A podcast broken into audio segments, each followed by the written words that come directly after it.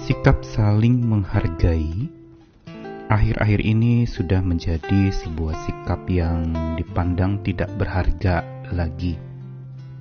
Begitu pula sikap saling menghormati saat ini tampaknya sudah makin mati di dalam hubungan-hubungan manusia dengan sesamanya.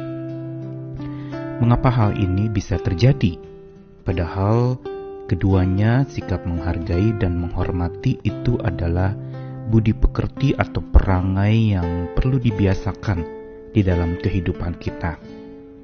Bukan demi untuk kepentingan diri sendiri memang, tetapi untuk terbangunnya sebuah hubungan yang baik, yang bertumbuh, yang kuat, dan yang tentu saja menumbuhkan pengharapan akan berlangsungnya hubungan itu menjadi makin baik, makin indah, Kitab suci mengajarkan budi pekerti atau perangai manusia yang bukan semata untuk bicara hanya masalah-masalah rohani atau keimanan, tetapi juga menyangkut dan menyentuh kehidupan sehari-hari yang perlu dilakukan di dalam hidup setiap manusia. Saya Nikolas Kurniawan menemani di dalam Sabda Tuhan hari ini yang menyapa lagi. Roma 12 ayat 9 sampai 10 Hendaklah kasih itu jangan pura-pura. Jauhilah yang jahat dan lakukanlah yang baik. Hendaklah kamu saling mengasihi sebagai saudara Dan saling mendahului dalam memberi hormat.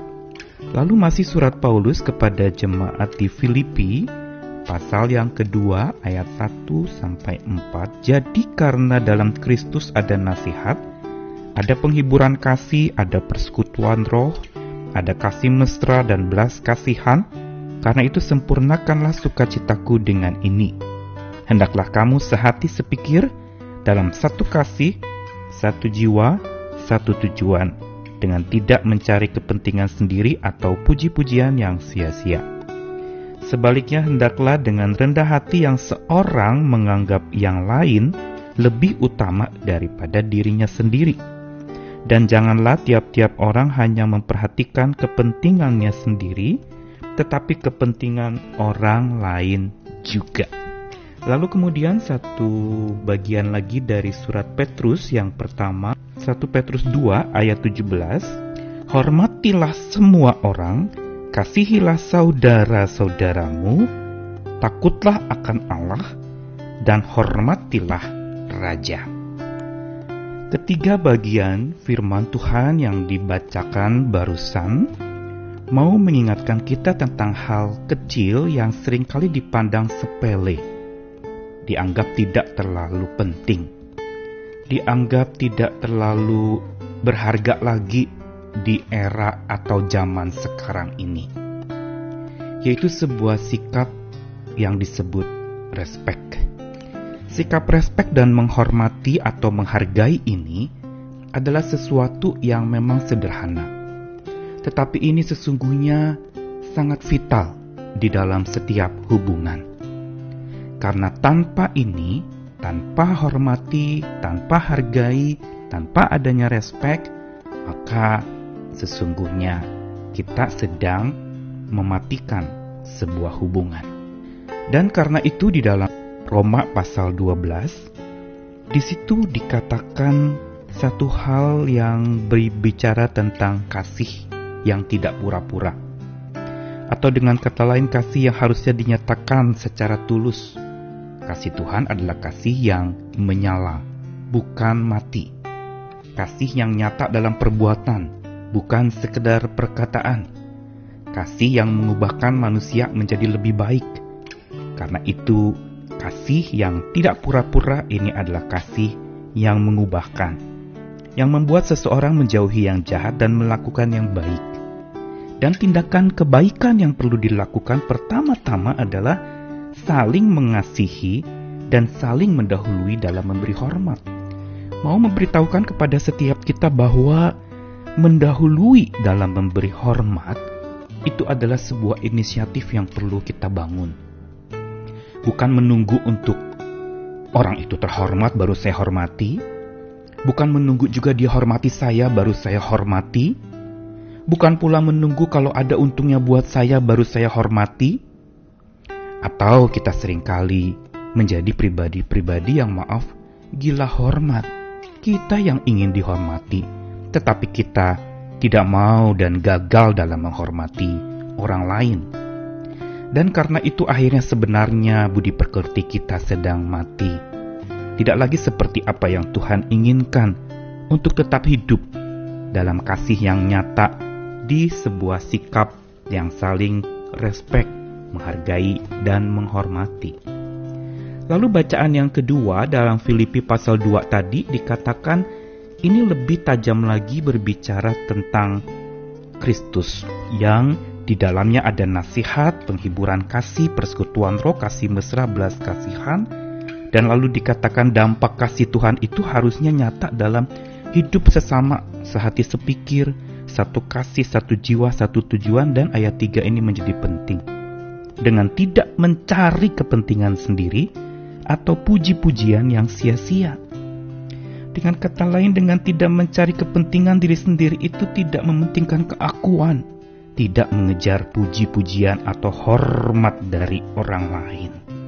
Ini yang sering kali menjadi tidak adil dalam hidup kita. Kita ingin dihormati, tapi kita tidak ingin menghormati. Kita ingin dihargai, tapi kita tidak mau memulai dulu dengan menghargai. Kita ingin orang respect dengan kita, tetapi kita tidak lebih dulu untuk respect kepada orang lain itu.